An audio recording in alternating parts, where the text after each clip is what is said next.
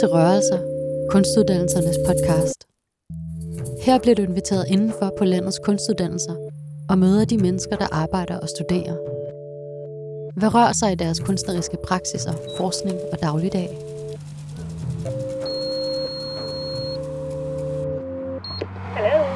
Hej. I det her afsnit skal du møde lederen af et af de såkaldte laboratorier på Kunstakademiet i København. Yeah, totally. allergic? Okay. Men lige nu er jeg på besøg i hans lejlighed i Nordvest. What do you want me to say? Just Um, My Yeah, name. just name and where you work. Okay. What you work with. okay. My name is Jenny Gräf Sheppard, and I am running the Sound Lab at the Art Academy, and I'm also doing a PhD working between the university and the Art Academy. Jennys arbejde er en blanding af forskning og forskellige eksperimenter inden for lyd og lytning, hvor hun ofte sammen med andre udforsker, hvordan vi lytter og hvordan vi opfatter det at lytte.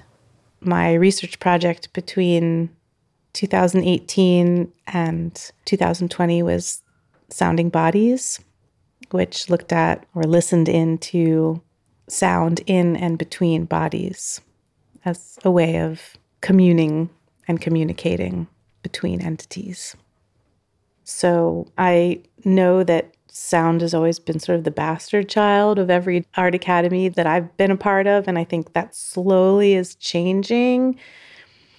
I personally think that the distinctions between the different laboratories to some degree is a bit meaningless because sound as an art form can happen in any medium. You can look at dance as related to rhythm and vibration and sound and the senses.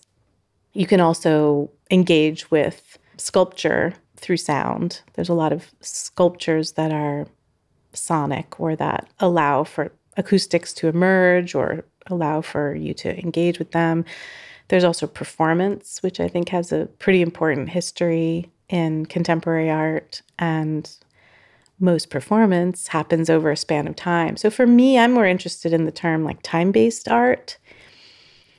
And I think sound is a great example of thinking about how time unfolds and is compositionally thought of and created and experienced. So, just like performance, it's an emphasis on duration and it's an emphasis on experience. And in some cases, I think it's a great way of understanding the dynamic between an art form or a material and those people that engage with it, whether that's a performer or a listener or a viewer. I really see it as a great way to kind of study perception itself. Det er selve vores sanseapparats funktion og rolle, der bliver genstandsfeltet hos Jenny. Og hvor mange har teoretiseret over de måder, vi møder verden på gennem vores øjne, er der stadig meget at blive klogere på inden for lydens område. There's a famous book and also a film by Michael Berger called Ways of Seeing. And I think to unpack the way we engage with sight and the visual world is very important to understand critically how we relate visually, both based on our societal background and our cognitive background. But I think that we haven't done that with sound. I think that there's a lot of things that go into constructing our reality around sound, but you can't get to that until you really heighten the senses. You can't expect someone to start to listen unless they've had a chance to kind of clean their ears or tune their ears or stimulate their ears. And because sound is not just through the ears, it's through the whole body. There's body memory of sound, there's lots of different aspects that makes sound an embodied experience. It's really important to find ways of tapping into that place where we can be sensitive as listeners and as sound makers. Selvom hovedparten af deltagerne i Sounding Bodies-projektet er mennesker med ører, udsprang ideen af en fascination af den lydlige relation mellem helt andre arter.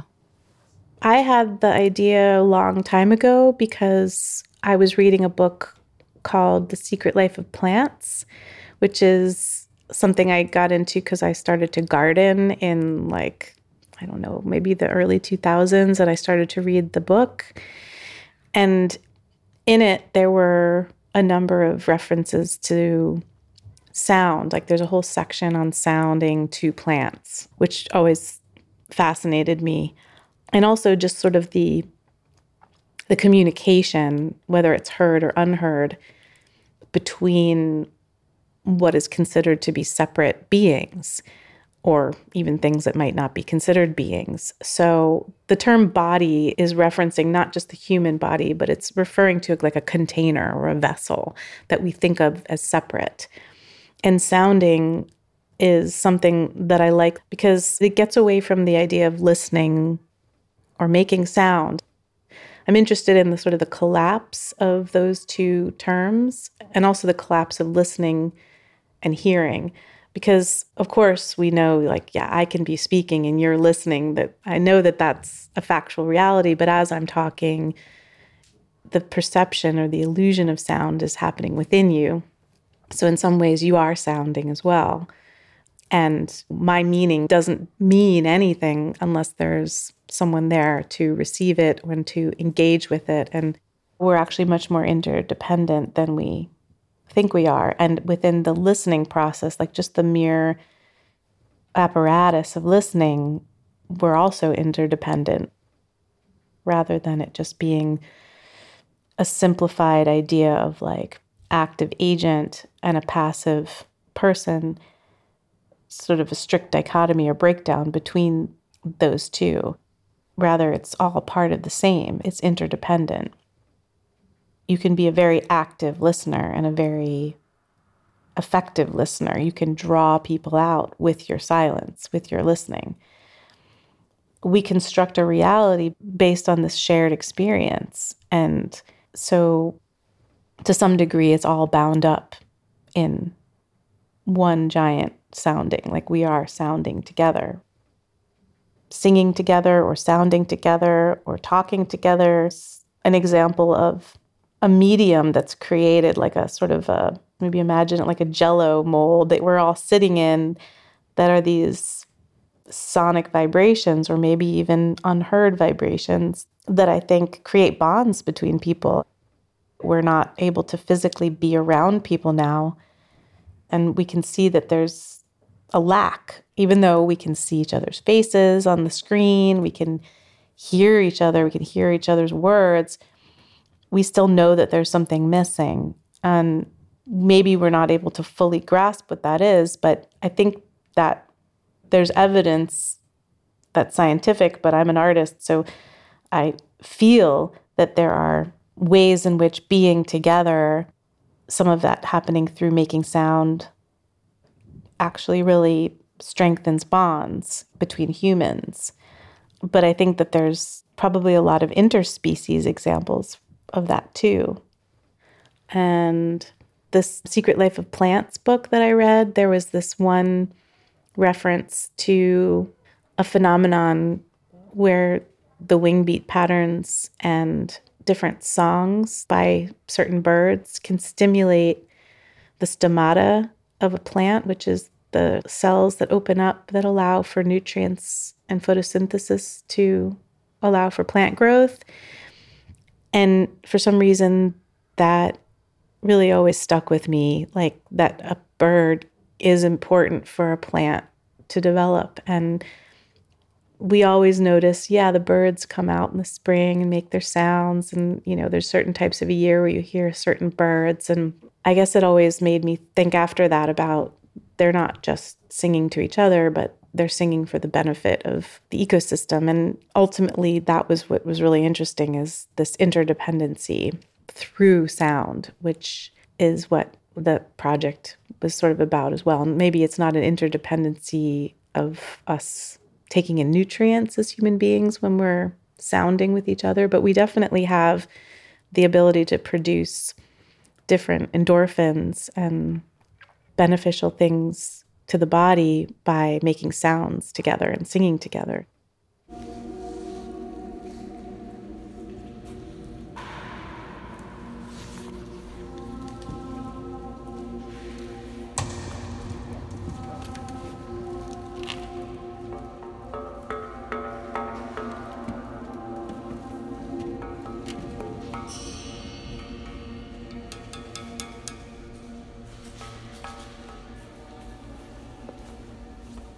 The Sounding Bodies project started in the spring of 2018.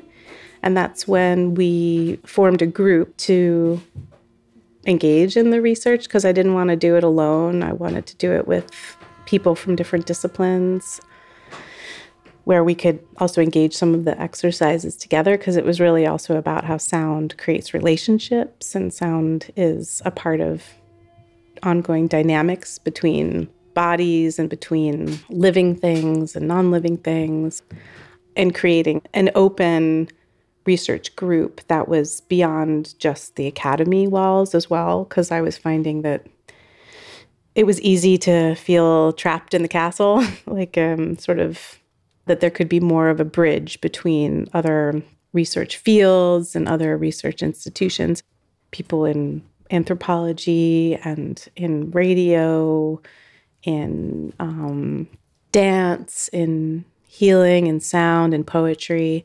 And we also had a nice age span of quite young, and then we had someone in his 70s and people from different countries. I, I really feel that that was a strength. And I just put a public ad out that said, anybody who wants to do this, write me an application. And originally, I think I was expecting like to have a 10 person group, but I think we were about 30 people. At first, I thought, oh, this is crazy. But then I just thought, well, this could be really interesting. And there was just only a couple students from the Art Academy. And then there were some people from other academies and then people from just out in the world. And so we ended up being about like 25 people consistently that continued. Gruppen har arrangeret en lang række workshops med praktiske og teoretiske udforskninger af lyd. De har opført forskellige værker og undersøgt både vestlige videnskabelige tilgange og mere alternativ viden om og brug af lyd. And we also developed some of our own exercises and ways of engaging in research and experimenting with going into different acoustic environments and seeing how people relate in those acoustics. We made up several exercises of like echolocation, like trying to find our way through the space with different sounds and also creating partners where we had sounds that we would listen for and navigate to find our partners. So there was a lot of emphasis on different senses not just listening, but also the way sound and touch interact. And we formed different kind of specialized groups where some of us were looking at touch, some of us were looking at scores, some of us were looking at unheard sounds, which ended up with the group of us making antennas and playing around with listening in to the electromagnetics that you know surround the earth but also that are traveling through our different devices that emit these frequencies. If you make an antenna it is able to capture those frequencies and make them audible. And you can tune your antenna to a set of frequencies which we had to try to do. And you know it took quite a bit of time to find the right place to go that's high enough. But we climbed up a big staircase at the academy, and then we were able to hear like sounds from Asia and Russia. And I mean, there was just so many different locations we were hearing. It was pretty interesting. Jenny ser på vores sprog som meget mere end en lydlig kommunikation eller relation, hvor der er mange andre ting på spil end blot ordenes betydning. There's a lot that can happen with with sound that is a language without the specifics of words. I mean, I grew up with Danish as a language that was sort of on the periphery for me because my mother was Danish and my first language was Danish. However, it was cut off from me when I was like three or four because in the 70s there was a stupid theory that it was bad to speak two languages to your child. But I always had Danish around me. And so I learned how to listen to the rhythm and to the buoyancy that happens in Danish to understand, first and foremost, the humor, because there was a lot of humor in my family. And I always laughed at the right times, and everyone would always look at me like, how can she be laughing?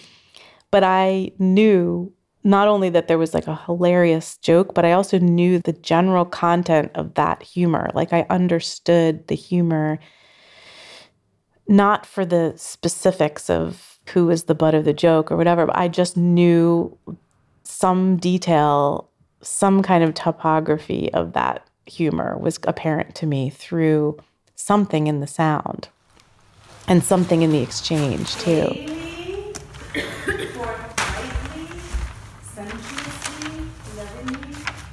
competently, hesitantly, angrily, stealthily, scornfully.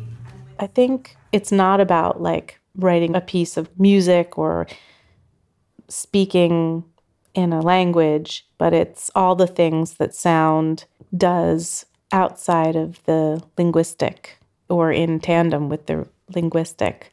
And what I'm emphasizing is not so much the noun, but the time based action involved and the process based action.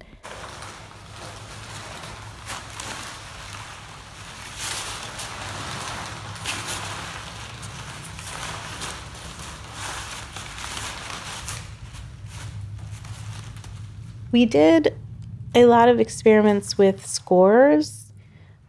There was um, Irene Revell, who is a researcher in sound and does a lot of feministic work with resuscitating publications by early sound artists and artists that made scores.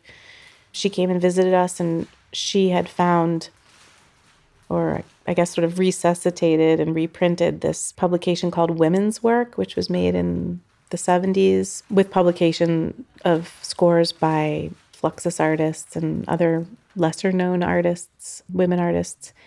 And they were scores for performing certain actions or musical elements together with people or within nature. And we did some of those scores. We performed some of those scores that were in that publication together. And I think you know, it was an example of how writing scores and engaging scores can open up different ways of experiencing sound through time and sound together. One of the things is just like, I can't remember the title of it, but it was score for a piece of paper. And it's very simple. So everyone can take a piece of paper and then you have like a dialogue with each other using the paper to make that sound. So, can you make the paper angry or can you have a conversation between someone with paper? And it becomes really like gestural. I just think it's very interesting to transfer and translate sound to another part of the body than the voice because we do it all the time anyway. We take out our emotions and parts of our body and our thoughts and our statements into other parts of the body. And so to me, it was sort of an extension of that, using the paper almost like a character.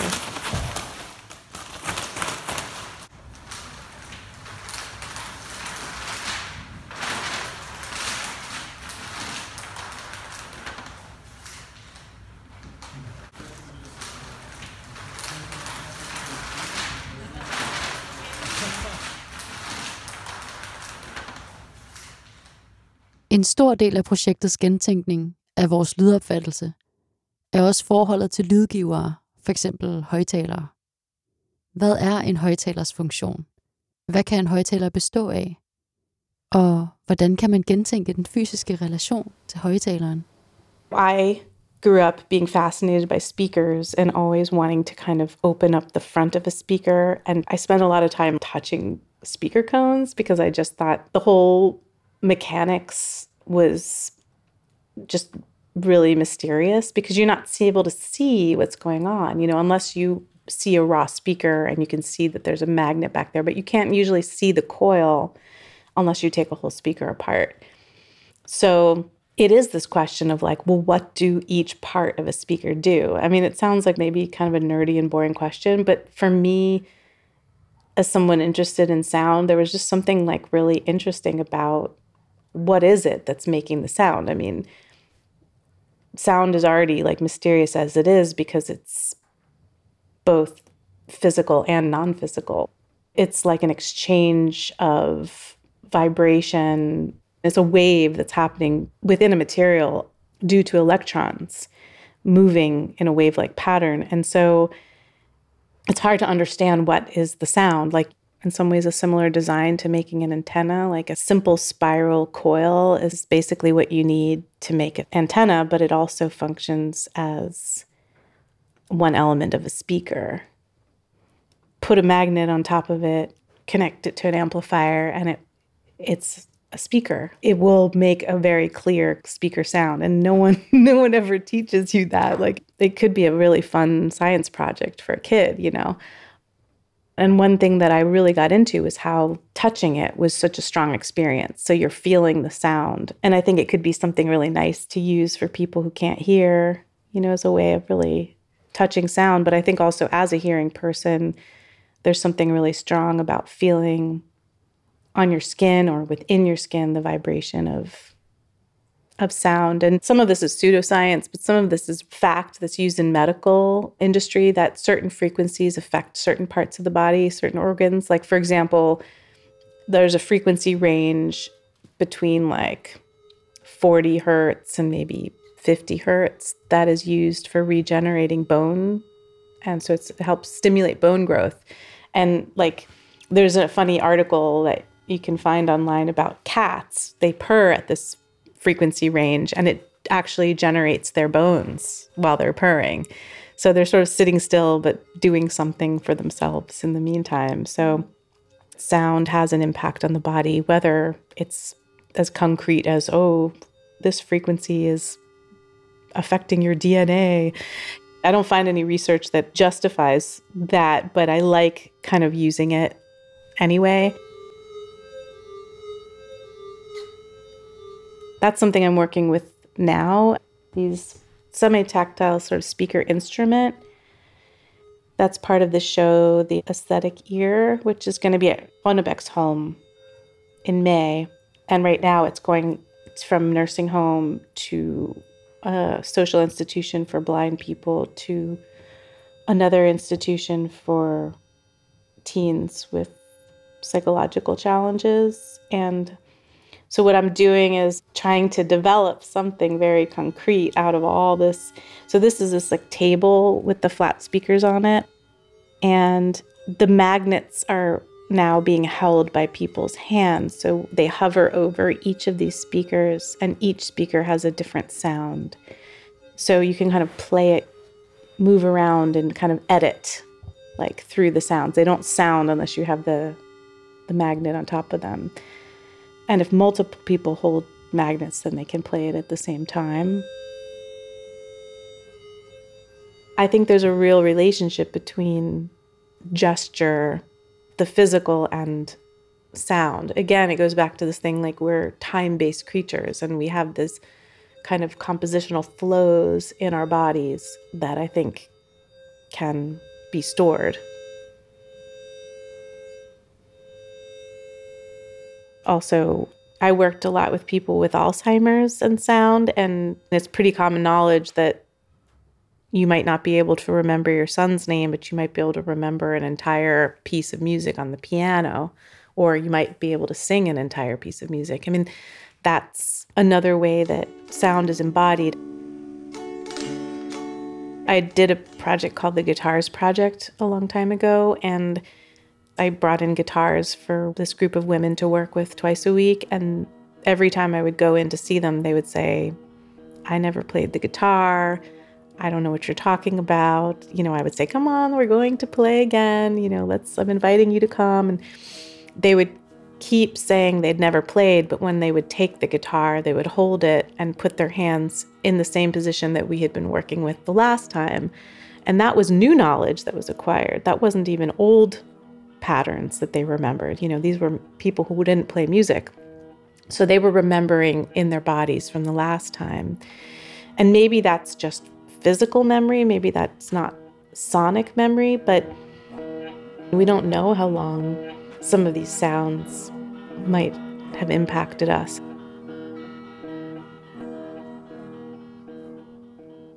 Our thought patterns are very much entwined. I mean, I'm not a scientist, but I know enough about it to say that the sounds, some of them are, you know, inaudible, but the frequencies that are happening within our brain, they're responsible for partly how we're feeling, how we're thinking, and they can be manipulated by listening to sounds or listening to people or the breath.